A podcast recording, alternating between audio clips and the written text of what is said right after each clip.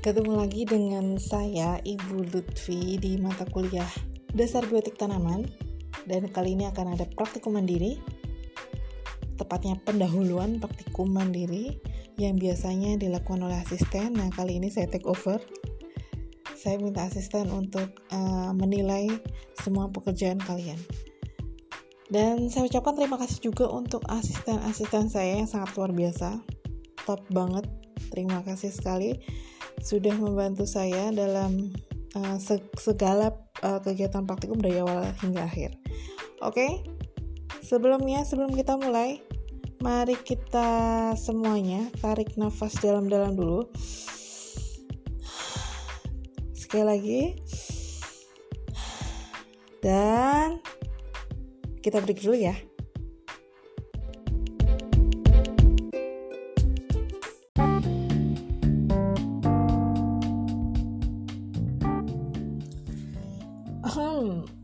Balik lagi di praktikum mandiri satu. Saya sebelumnya saya mau menyapa dulu uh, asisten saya Gibi, Hani dan Putri yang semuanya mungkin ada di rumah di rumah masing-masing. Begitu juga dengan kalian ya di rumah masing-masing. Semoga sehat selalu.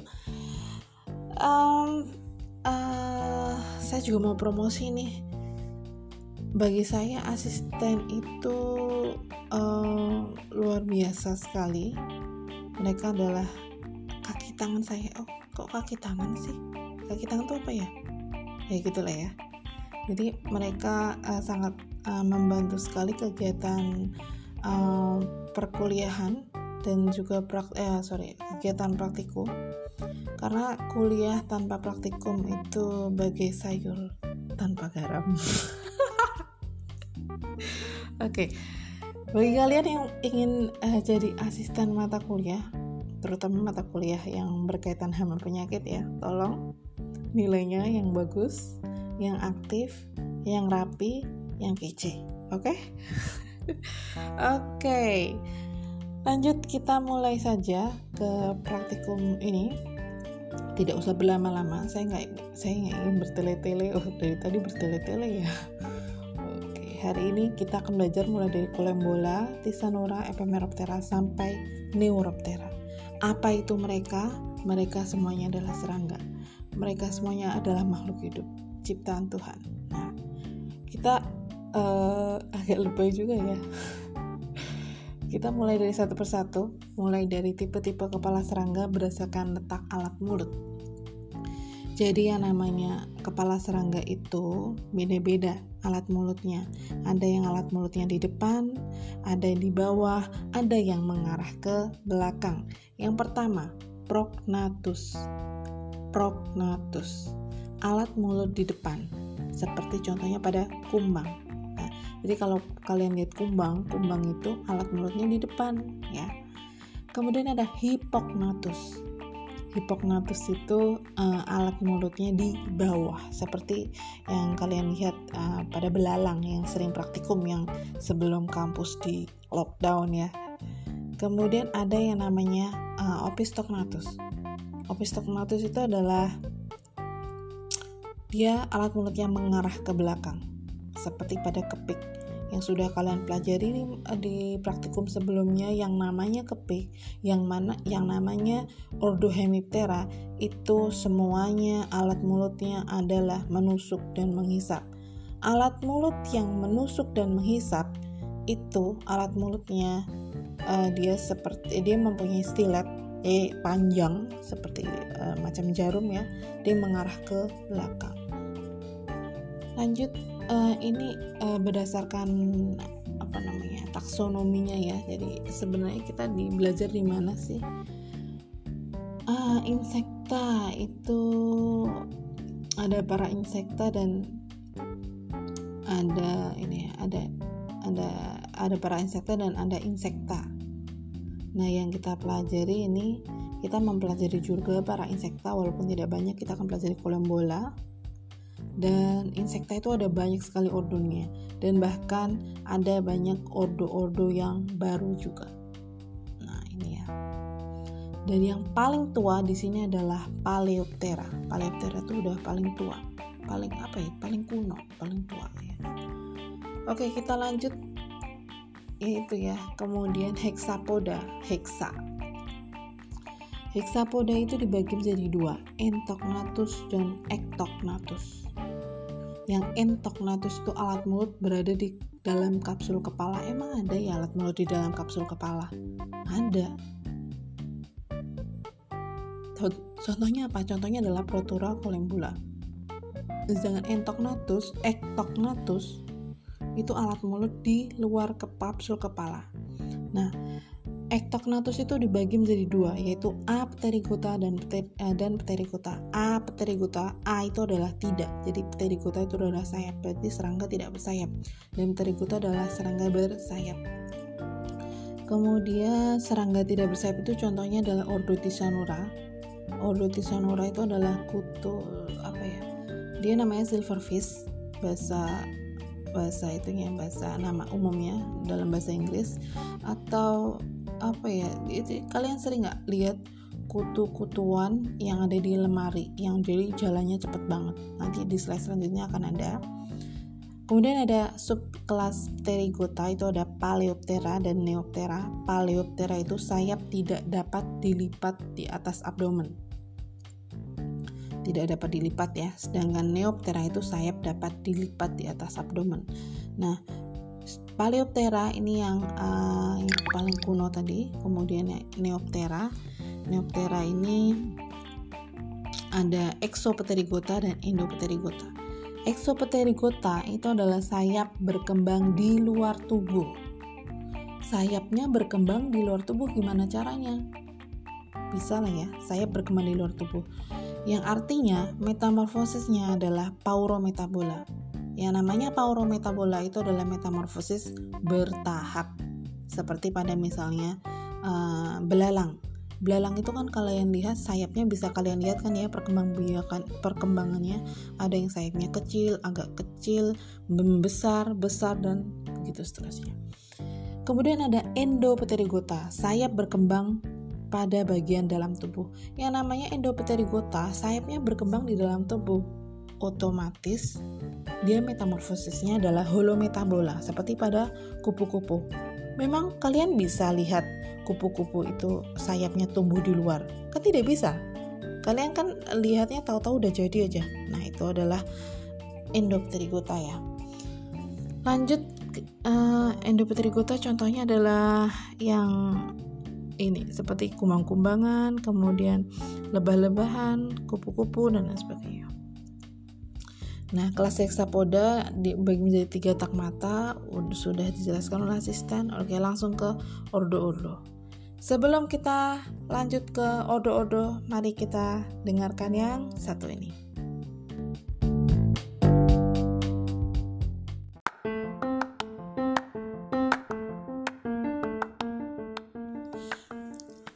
Lanjut ke kolembola.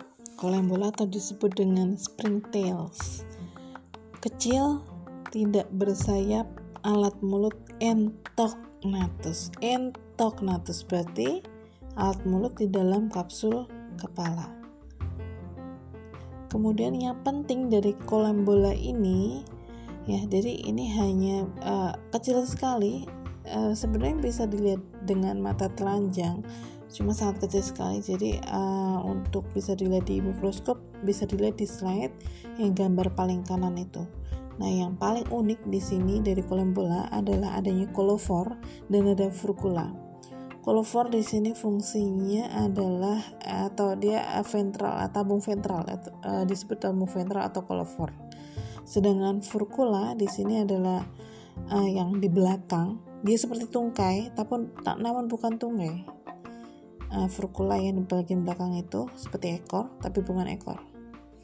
Nah, fungsinya adalah untuk melontarkan di perkembangbiakannya adalah ametabola, jadi dia tidak bermetamorfosis.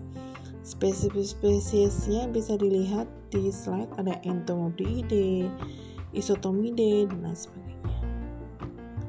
Lanjut ke Ordo kedua yaitu adalah Tisanura atau disebut juga dengan silverfish atau kutu buku. Nah, yang sering kalian sering pakai istilah kutu buku Nah, sebenarnya ini ya serangganya ya. Banyak ditemukan di kalau kalian suka pergi ke perpustakaan yang uh, mungkin di kampus atau di tempat lain di tempat buku-buku usang. Nah biasanya kalian menemukan serangga ini kutu buku. Jadi kalau kalian pengen mengoleksi ini carinya di perpustakaan atau di almari-almari baju kalian biasanya ada. Dia warnanya silver gitu keperakan.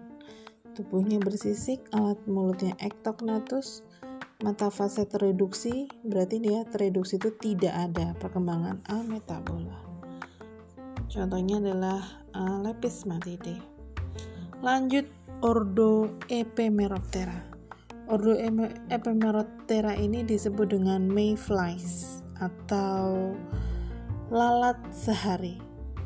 Kenapa disebut dengan lalat sehari? Karena si Epemeroptera ini hidupnya hanya satu hari. Bayangkan, hidupnya hanya satu hari. Hidup imago ya, hidup imago sehari. Dia kecil, bentuknya seperti itu. Dia pradewasanya atau yang belum dewasa dia hidup di air. Kenapa dia disebut dengan lalat sehari? Ayo. Ada yang tahu? Belum pernah denger ya. Dia disebut dengan lalat sehari karena memang uh, dia hidupnya hidup imagonya hanya hanya satu hari. Karena apa karena alat mulutnya tereduksi yang namanya tereduksi itu berarti tidak ada alat mulut. Perkembangbiakannya adalah hemimetabola. Semua serangga yang perkembangannya hemimetabola itu uh, pradewasanya hidup di mana? Ayo di air. Oke. Dan pradewasanya disebut dengan nayat. Dia uh, dia nayatnya itu punya insang trachea dan uniknya lagi serangga ini disebut uh, sebagai indikator air bersih. Jadi kalau mau menemukan serangga-serangga ini ya harus di deket-deket yang uh, bersih bersih bersih ya air bersih air terjun air ya yang alami-alami gitulah. Lanjut Ordo Odonata. Nah Ordo Odonata ini adalah uh, sering kita sebut sebagai capung. Kalian sering kan ya nangkap uh, capung waktu kecil? Atau pernah mainan lah ya capung. Nah alat mulutnya. Jadi semua ordo semua spesies dalam ordo capung itu uh, adalah predator adalah predator itu adalah pemangsa seperti yang sudah oke okay, jadi semua ordo odonata adalah predator. Jadi dia musuh alami alat mulutnya menggigit mengunyah dia hemimetabola ya. Sudah kalian pelajari sebelumnya hemimetabola itu adalah per, uh, metamorfosis apa ya dibuka lagi slide-nya yang dia dari telur kemudian uh, larva ayo apa coba dilihat slide-nya lagi hemimetabola yang pasti uh, nayatnya juga hidup di air seperti Empimeroptera tadi. Nah, kalau kalian lihat uh, capung itu ada banyak. Ada capung yang biasa, ada juga yang capung jarum. Hmm, uniknya di Ordo Odonata ini dia mempunyai mata yang sangat besar sekali. Dia bisa uh, sampai belakang, kalau nggak salah 360 derajat. Jadi kenapa or, or, capung itu susah ditangkap ya karena dia punya mata yang sangat lebar sekali bahkan sampai belakang gitu jadi nggak uh, kalian udah mengedap-gedap dari belakang gitu untuk menangkap capung tapi dia tetap tahu karena apa karena alat uh, matanya itu sangat besar sekali jadi yang paling penting di sini ada dua subordo yang beda yang pertama yang pertama adalah subordo Zygoptera atau capung jarum dan uh, ordus satunya lagi adalah subordo Anisoptera. Yang subordo Zygoptera atau capung jarum ini silakan dilihat di uh, gambar tengah dari capung.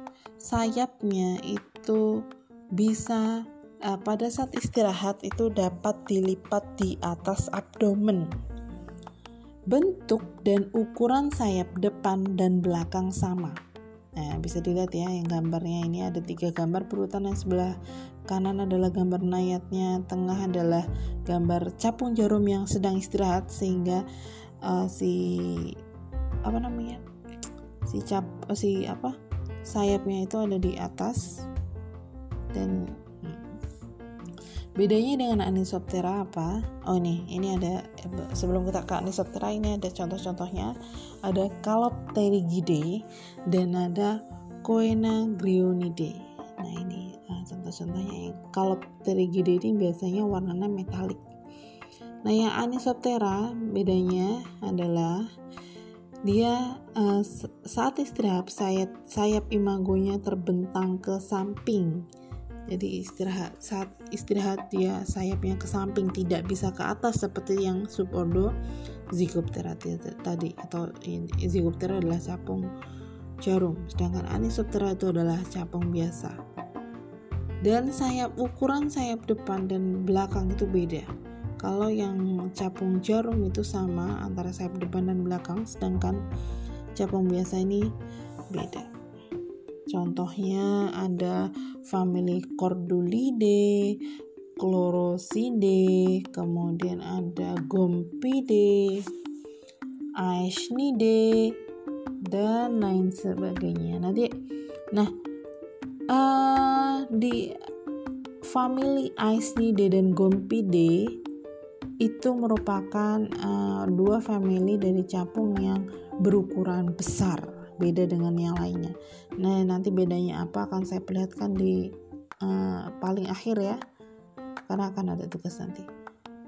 Nah, yang kalian sering lihat capung ada yang warna-warni ya, ada yang ada yang seperti tentara, ada yang warnanya kuning, hijau, merah dan lain sebagainya itu masih dalam family Libellulidae. Jadi family Libellulidae ini mempunyai banyak sekali morfologi yang berbeda.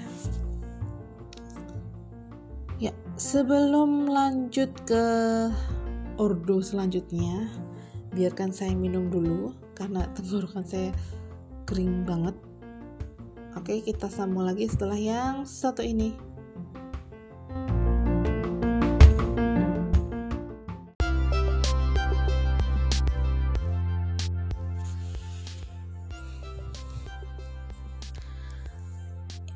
Oke, lanjut lagi ke ordo selanjutnya. Ordo ini sudah tidak asing lagi dengan kalian. Mungkin ordo ordo yang satu ini hidup berdampingan dengan kalian. Kalian sering menemukan uh, serangga ini di sekitar kalian. Apa itu? Adalah ordo Blatodia atau Blataria atau uh, dalam bahasa Inggrisnya adalah cockroach. Nah, coba dilihat ada gambar yang sebelah kanan, sebelah kiri itu adalah um, uh, apa namanya kecoa juga, kecoa.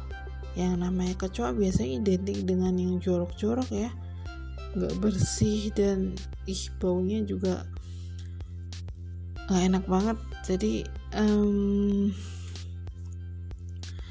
kalau yang sering kalian lihat di misalnya di kosan di pinggir-pinggir jalan dan sebagainya itu adalah termasuk kecoa yang biasa ya atau familinya adalah uh, Blatidae Blatidae namun ada juga kecoa yang kecoa yang besar sekali. Ukurannya bisa uh, hampir satu kepala tangan ya. Ada namanya Blaberidae oke sebelum kita lanjut ke masing-masing familinya kita pelajari morfologinya. Dia mandibulata exopterygota. Exopterygota berarti uh, sayapnya bisa dilipat uh, sorry Esopterygota adalah sorry sayapnya tumbuh di luar di luar tubuh dari uh, hewan tersebut. Jadi sayap berkembang di luar tubuhnya. Yang secara otomatis dia metamorfosisnya adalah paurometabola. Karena apa? Perkembangan sayapnya mulai dari instar 1, instar 2 sampai yang dia dewasa itu bisa kita lihat uh, secara fisiknya ya, dia berkembang di luar sehingga paurometabola metamorfosisnya. Sayap depannya tegmen atau tegmina itu adalah sayap yang mengeras namanya tegmen atau tegmina yang mungkin sudah kalian pelajari ya sebelumnya atau belum ya? Kurang tahu saya. Lanjut dia kalau tampak dari belakang seperti itu. Koksanya besar dia kursorial dia untuk berlari. Jantannya itu yang jantan itu punya stilus.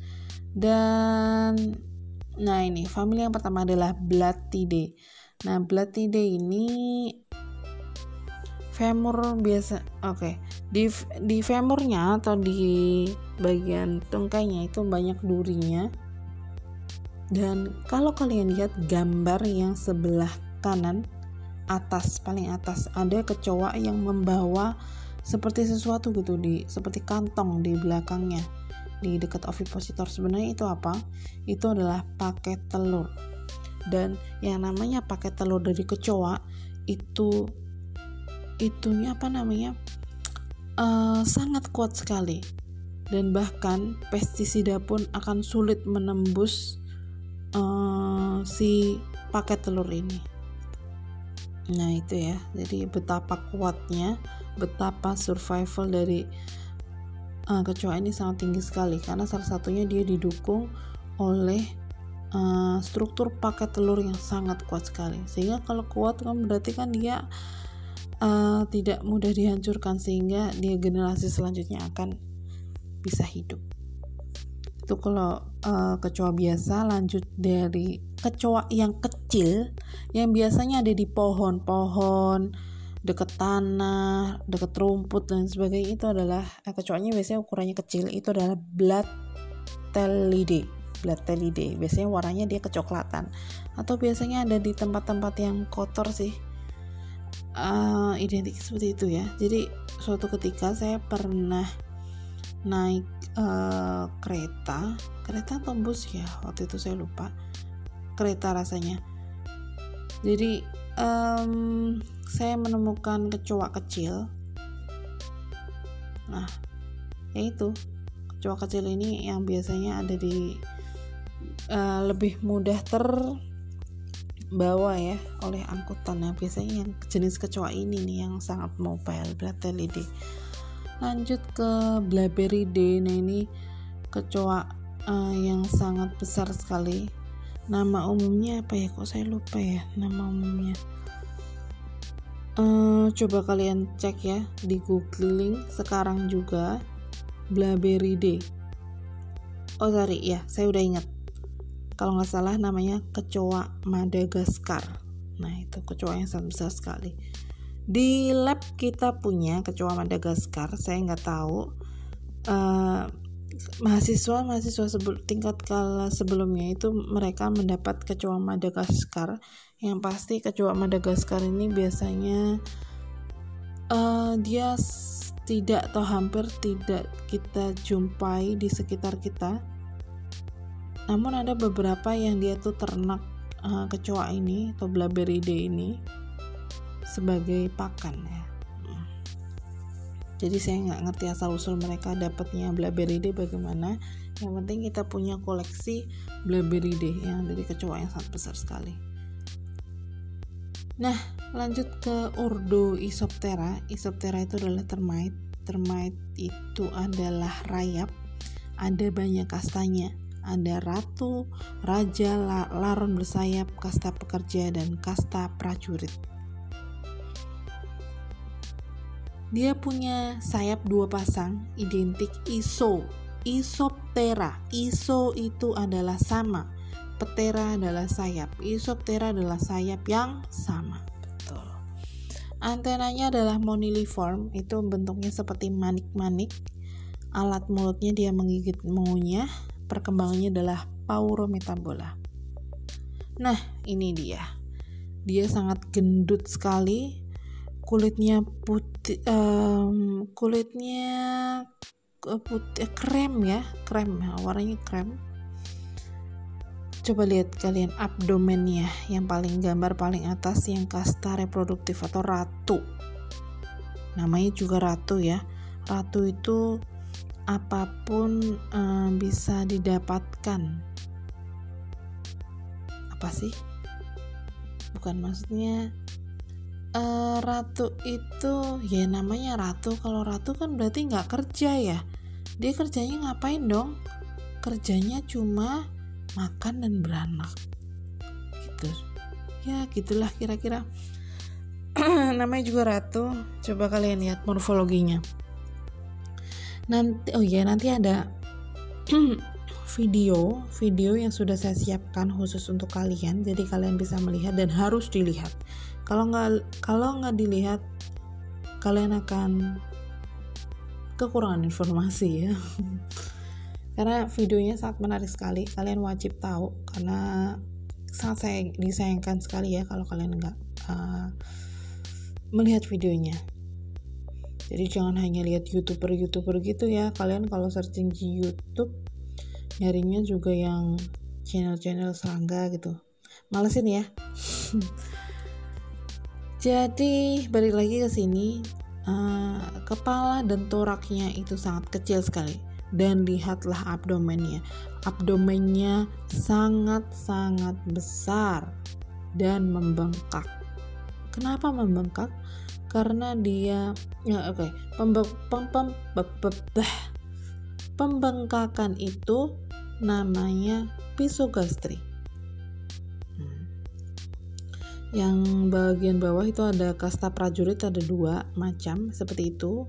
Yang uh, kepalanya seperti apa tuh ya seperti jarum itu adalah disebut dengan nasuti sedangkan kasta prajurit itu ya gitu mandibelnya sangat besar sekali mandibel itu untuk menggigit dan maunya kasta pekerja ini jumlahnya yang paling banyak karena fungsinya adalah ya dia untuk bekerja mencari makan dan pokoknya tugasnya yang paling berat itu adalah kasta pekerja Nah, itu kasta reproduktif atau laron yang sering kalian lihat di sekitar kalian. Kasta reproduktif ini sudah sudah saya jelaskan ya tadi ya. Terdapat fisogastri untuk menghasilkan keturunan. Lanjut ke kasta prajurit. Namanya juga prajurit. Prajurit itu adalah benteng. Dan uh, dia ada jantan dan ada betina namun mandul. Jadi tidak bisa menghasilkan keturunan. Yang bisa menghasilkan keturunan itu adalah ratu. Dia ada mandibulata dan nasuti. Fungsinya dalam melindungi koloni. Lanjut ke pekerja. Yang ini biasanya tubuh ya, udah pekerja ya udah jumlahnya banyak tubuhnya pucat. Ya gitulah pokoknya kayak uh, beda gitu morfologinya dengan kasta prajurit itu sangat beda. Tubuhnya pucat udah gitu tugasnya banyak.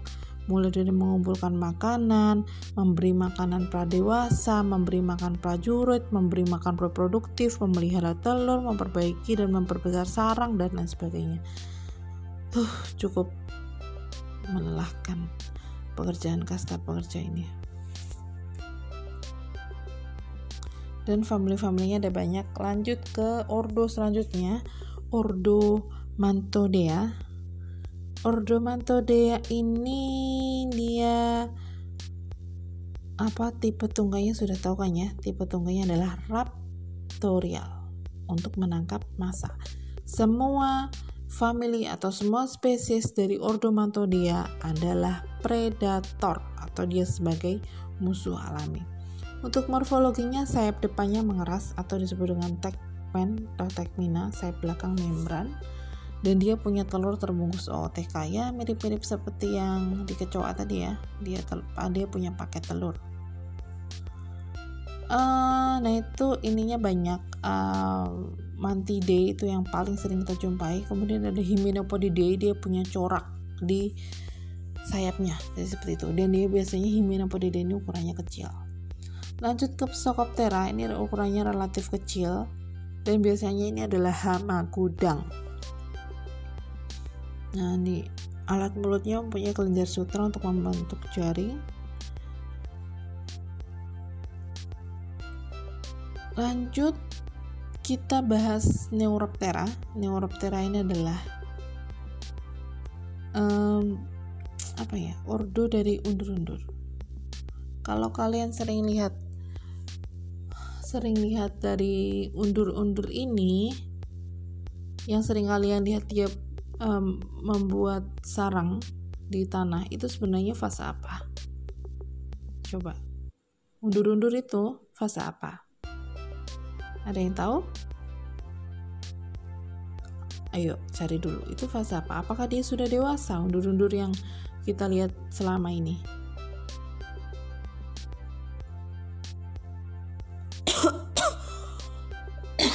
hmm. Oke. Okay. Kita pending dulu, kita break setelah yang satu ini.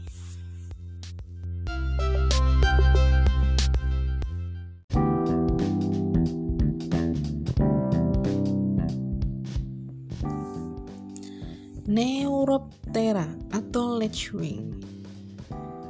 Semua ordo sorry semua famili dalam ordo Neuroptera itu adalah predator. Jadi memang di serangga itu ada beberapa yang uh, semua spesiesnya itu predator ya. Antara ada Neuroptera, ada Mantodea, kemudian ada apa lagi ya? Bentar saya ingat-ingat dulu. Um, Oke okay, lupa satunya. Nanti saya bilang lagi kalau udah ingat. Jadi yang sering kalian lihat di undur-undur itu adalah fase pra dewasanya atau fase larvanya. Dia perkembangannya adalah holometabola. Jadi telur, larva, pupa, dan imago. Lalu, kok bentuknya seperti capung ya imagonya? Nah, memang benar ya. Jadi yang namanya Ordoneuroptera atau undur-undur itu Fase dewasa atau fase imagonya adalah seperti capung. Namun bedanya apa dengan capung? Mari kita lihat.